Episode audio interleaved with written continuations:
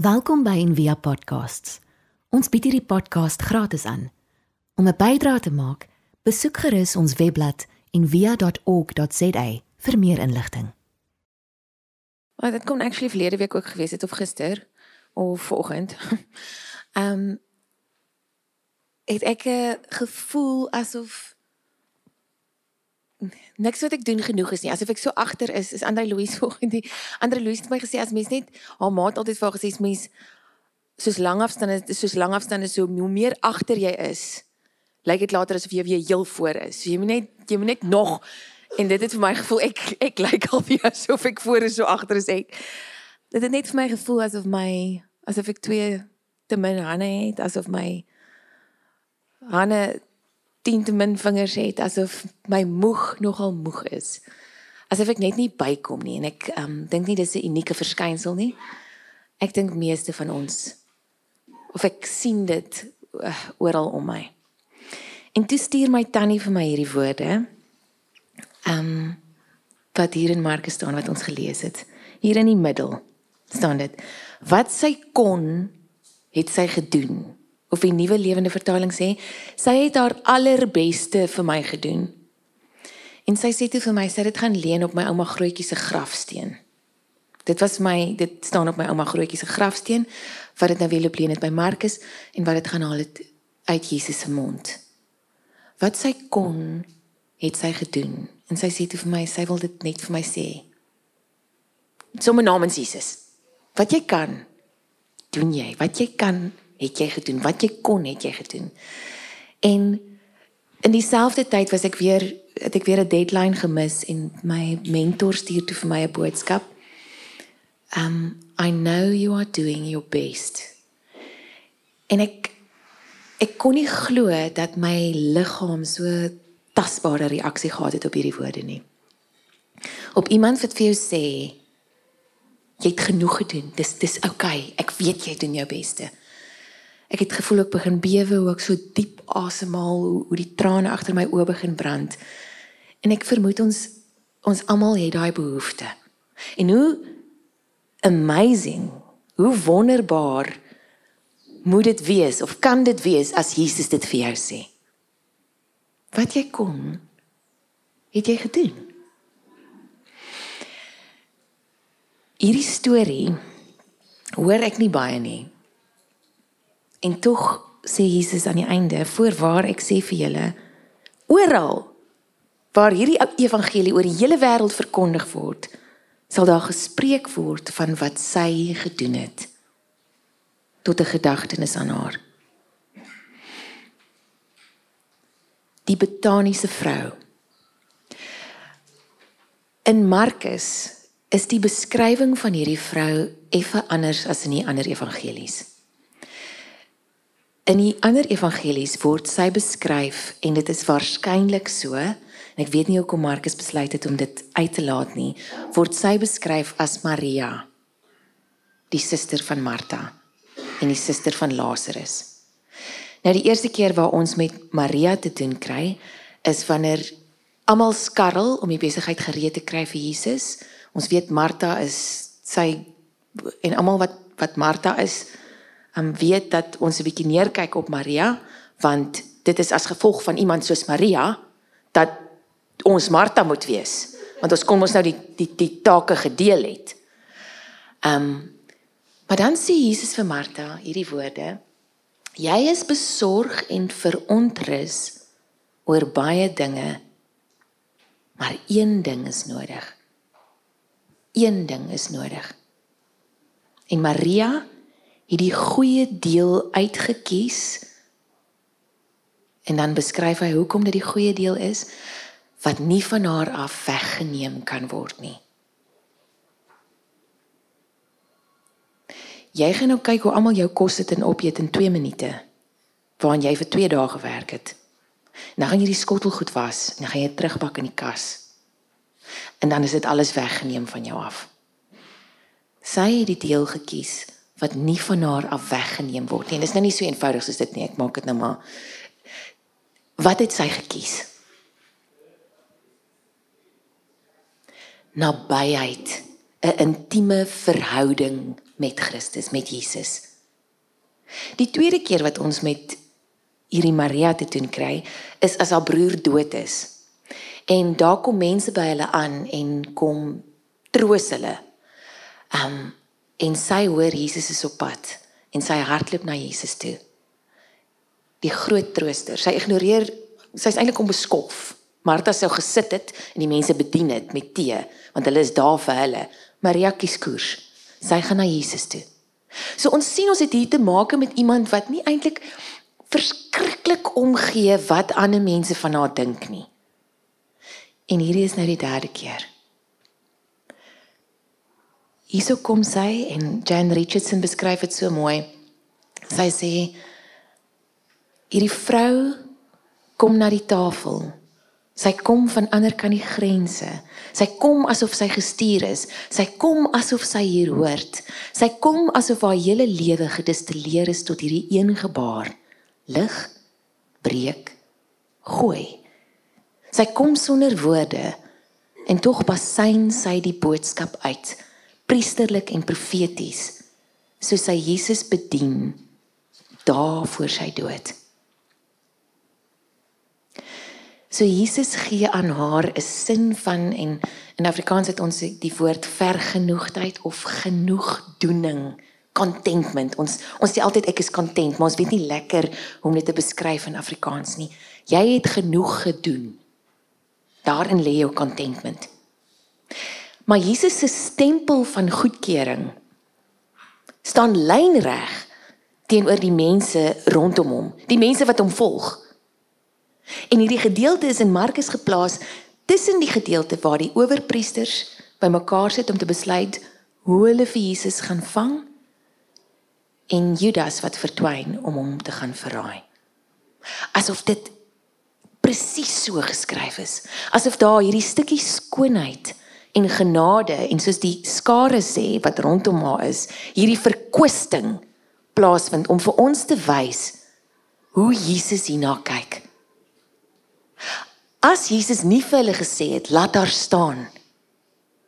Sy het gedoen wat sy kon nie. Sou ons dalk ook hierdie gedeelte gelees het en gedink het wat doen sy? Sy het 300 pennings se kosbare narde salf op Jesus se ek weet nie op sy hare of sy voete uitgegiet. Dit kon gebruik gewees het vir die armes. Is dit die waarheid? Ja. Dit is die waarheid. Maar Jesus kyk na die waarheid uit 'n ander lens en hy openbaar 'n ander perspektief vir die mense om hom. Hulle is verontwaardig. Hy gee aan haar haar waarde. Asof hy al toe geweet het dat wat hulle eers baie later in die kwantumfisika sou bevestig. Dit wat waar geneem word kan verander word deur die kwaliteit van teenwoordigheid van die waarnemer. En so kan die waarneming verander. Die waarnemer het 'n profound effek op die waargeneemde en dit kan die effek die die die resultaat van die waarneming verander. So wat mis ons? Wat mis ek en jy elke dag? Ek dink in ons samelewing as ons dit nou wil wyd hou. Ons het in Covid gesien, wat is die eerste goeders waarvoor mens nie meer geld het nie. Die kunstene, die die die goed wat wat net skoonheid of net um, 'n nuwe manier van kyk of net die verbeelding uh uh, uh laat ontvlam. In die kerk dink ons ook baie keer so. Die mense by die sopkombuis of die mense wat besig is met die groot besluite oor dade van geregtigheid Sonder hulle kan ons nie. Maar wat van hierdie stuk beauty wat ver oggend hier neergesit is deur iemand? Om ons iets te laat ervaar van Kyk, hierdie takke gaan nou huis toe gevat word nou net. 10 teen 1 deur my want daar's chillies aan die aan die aan die aan die aan die kant wat hulle hier staan neergesit het. Is dit 'n vermorsing omdat dit nou net gaan verdwyn? Of is dit ons wat dit mis? Nou die dag hoor ek um in die kombuis ek iets breek en ek hardloop en ek is nie op 'n goeie goeie plek al alreeds nie. Um en ek kom in en en Bastian staan daar by so mooi bakkie, 'n mooi mooi bakkie. Waar ek nogal baie sentiment um geheg het. En ek sê, "Wat het jy gedoen?" En ek gaan net en ek dit is al wat ek sien, die bakkie. En hy sê vir my, "Mamma, ek het gedink dit sou vir jou regtig baie beteken as ek vir jou iets help doen in die kombuis, want ek weet dit is vir jou moeilik." Ek dink dit is dis dis dis dis dit. Die 'n ander lens, 'n ander vorm van waarneming, 'n ander perspektief op presies dieselfde ding. Maak daai bakkie nou vir my een van die mooiste goed wat daar is. Ek kan dit nie weer gebruik vir enigiets behalwe om my seun se hart daarin raak te sien nie. Hoe sal dit lyk in jou in jou lewe? Wat kyk jy mis?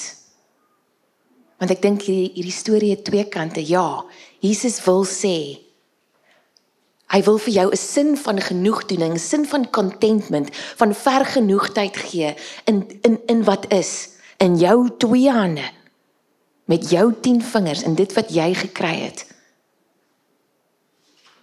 Asof dit presies is wat jy nodig het om te hoor.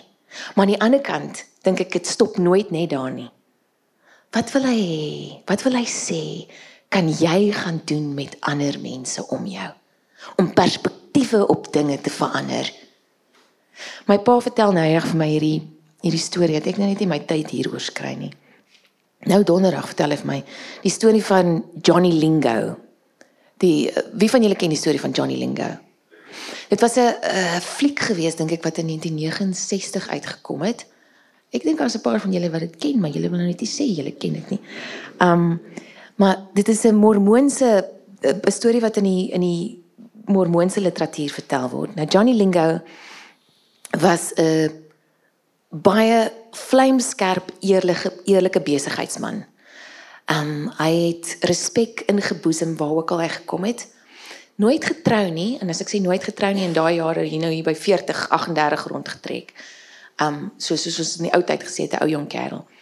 En op 'n dag kom hy by 'n man aan en hy sê vir hom hy wil trou met sy dogter, Mahana. Haar naam word ook in baie stories vertaal as Sarita, maar kom ons hou dit by Mahana. En in daai tyd het dit so gewerk dat jy moet baie soos by ons Afrika vriende, jy moet beeste koeie gee vir hierdie situasie. En niemand kon verstaan hoekom Johnny Lingo vir Mahana gekies het nie. Hy kon enige iemand gekry het. Mahana se skouertjies was so vorentoe. Sy het nooit 'n woord gesê nie. Sy het altyd so by die huis gesit, redelik bleek in die gesig. Um uh hoe sal mens haar nou beskryf? 'n uh, Wat noem jy hy 'n muurblommetjie. 'n Muurblommetjie. Niemand het haar raak gesien nie. En in daai jare was die gewoonte dat vir 'n regte nou vir 'n trophy wife betaal jy so tussen 4 en 6 koeie. En Johnny vra toe vir Maana se pa, "Hoeveel wil hy vir haar hê?" En hy sê, "2 koeie." En Johnny sê, Johnny kyk hom so aan en sê vir hom, "Hoe durf jy? Hoe durf jy net 2 koeie vra vir hierdie vrou?" Johnny het haar liefgehad vandat hy jonk was. Hy het haar lankal raak gesien. En hy sê toe vir hom, ek sal jou niks minder as 8 koeie vir haar gee nie. Hy het haar 8 koeie gegee en hulle is daar weg. So tyd later kom daar toe iemand by Johnny se huis aan om vir hom te kom kuier, 'n 'n jong man wat kom raad vra oor besigheid. En hy gaan sit in die sitkamer en hier kom 'n skoonheid van 'n vrou ingestap. En hy dink, ja, Johnny het hy het Johnny het vir Mahana gekry, so hy moet seker maar 'n plan maak om vir hom 'n mooi uh, huishulp te kry in die huis of poligamie is nou aan die orde van die dag. En hy vra toe vir Johnny, "Wie's die vrou?" Hy sê, "Dis my vrou, Maana." Hy sê, "Maar hy het gedog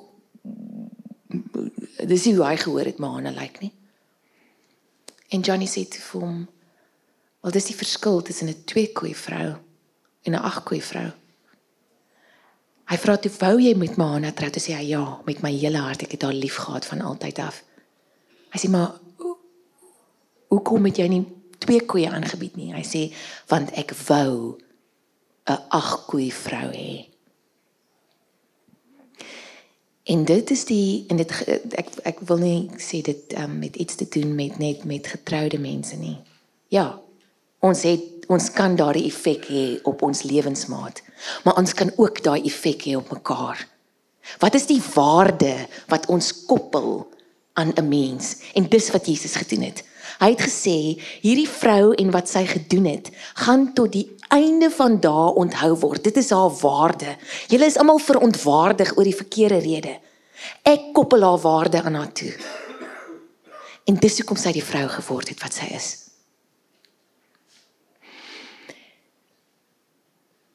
Ek sluit af.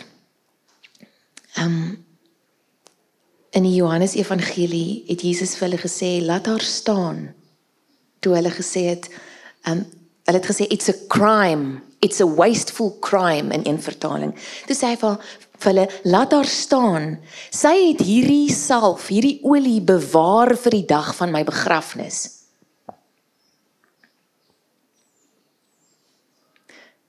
sy het uit haar aard toe nie bewaar vir sy begrafnis nie. Want sy het iets gesnap daarvan dat ons al die blomme in die wêreld kan aandra vir iemand om 'n mooi begrafnis te hê. Al die driehoek toebroodjies wat daar is by die begrafnis kan hê of al die drank hoe hoe, hoe dit ook al. Maar as ons dit saam gedrink het of saam geëet het of die blomme gedeel het terwyl ons gelewe het nie, Wat beteken dit? Ons kan die mooiste begrafnisredes, die mooiste eulogy skryf. Wat as ons dit wat ons bewaar vir dan vandag uitgiet? Vandag vermors op mekaar. Dit is my so mooi dat um, twee mense wat ek ken het onlangs uit lank aan kanker gely. En die 21ste Maart was hulle huweliksherdenking en hulle het geweet hy het min daaroor. Toe hou hulle 'n lewende begrafnis vir hom. En dit klink vir ons, vir party van ons kan dit dalk dit sit dalk verkeerd. Dit klink dalk banaal, dit klink opulent, maar dit was die mooiste geleentheid van mense, 150 mense wat aankom om soos om na 'n huwelik te kom om iemand se lewe te vier terwyl hy nog lewe. Hy's 'n paar dae later dood. Maar hy was daar. So die vraag is, Wat is daar wat jy kan vermors op Jesus? Die Jesus wat nou hier tussen ons beweeg. Die Jesus wat nou hier opgesluit is in ons elkeen.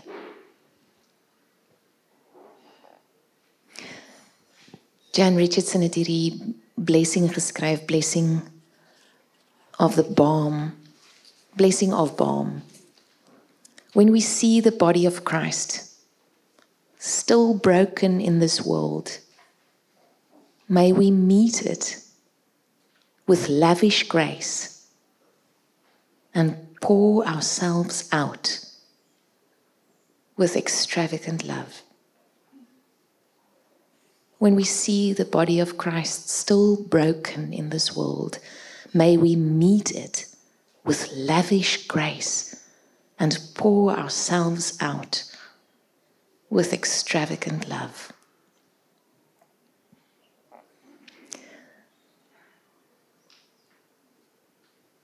So ek vra die vraag om te sê wat is jy bereid om te vermors op Jesus? Dit is nogal weird ons as skryf as, as iemand regtig dronk is of jouself en sê it was wasted. Maar ons gaan afsluit met 'n lied wat eintlik daai vraag counter. En die lied se naam is Nothing is wasted. En ek wil jou uitnooi om te dink aan jou lewe. Om te dink aan die goed wat jy al gedoen het, wat jy gedink het, regtig. Wat beteken hierdie? Waarvoor is hierdie? Ek het in die laerskool was ek ongelooflik lief vir rugby. Dit voel vir my soos 'n belydenis wat ek in die kerk doen. Ek wou dit speel, ek wou dit kyk, dit was my connection met my pa en my oupa. Ek wou al die reëls weet. Ek het die biblioteekboeke gaan uitneem oor rugby. Ek het saam met die seentjies gespeel tot hulle my so blou getekkel het dat ek nie geweet het ek het 'n uh, eh, ek het die skool gekry om te sê dat dogtertjies nou ook kan rugby speel. Ek wou rugby speel. Want ek het geweet as daar daar's ek kon nie die ander dogtertjie goed doen nie. Ek kon nie die die um, handwerk of die kombuis goed doen nie, maar kon 'n bal vang. So ek het ek dit kon ek doen. En later in my lewe, die, die mense wat rugby speel, die mense wat langs die veld is, so 'n bietjie um op my senuwees begin werk en toe het ek dit eintlik uitgeblok my rugby dae. Um ek het uh, toe nou meer 'n kunstenaar geword, jy weet, en ons is nou nie regtig daai rugby jocks is nou nie regtig die ding nie. En so tydjie terug sê um Bastian vir my Hy's nou ons het hom weggehou van rugby af vir lank omdat hy so klein is, maar dit het nie gewerk nie. En nou speel hy rugby en nou love hy rugby en hy sê vir my dis vir hom so sleg dat ek so min daar kan wees by sy games en dat die ander kinders word beter want hulle paas gaan oefen met hulle op die veld en hy hy het niemand om met hom te gaan oefen nie. En ek is nog so van ja, ja my liefie, maar dit is nou ons ek het al vir jou gesê, jy gebruik nie jou pa se dood as 'n verskoning vir enigiets nie. En ek is nou weer op daai ding. Is is net 'n rede, dis 'n rede vir iets groters. En toe besef ek maar ek het rugby gespeel. en ek trek my tekkies aan en ons is daar na die veld toe. En jy sien nou dink hy goed gaan weg, soos ry. Um en ons het die beste uur gehad. Vir mekaar balle gegooi, geskop. En hy het die hele tyd vir my kom druk en ons het huis toe gestap so, soos twee Jy weet, soos twee manne wat skram. En ek het weer besef, want ek het altyd gedink, "Why? Hoekom was daai jare van my? Hoekom was ek so lief vir sport en vir dit het tog niks aan my gedoen nie." Die Here het geweet. Eendag gaan daar 'n seentjie wees wat nie 'n pa het wat saam met hom kan rugby speel nie en ek gaan daai seentjie se ma wees. En daai jare wat ek daar langs die veld was of op die veld was en getackle is, is nie vermors nie. Nothing. Niks. Nothing is wasted. En ek wil jou uitnooi om om dit dalk raak te sien, maar dit is net so in jou lewe. Dis regtig net so. Niks. Niks is vermors nie. Ons hoop van harte jy het hierdie podcast geniet of raadsaam gevind. Besoek gerus en via.ok.za vir meer inligting.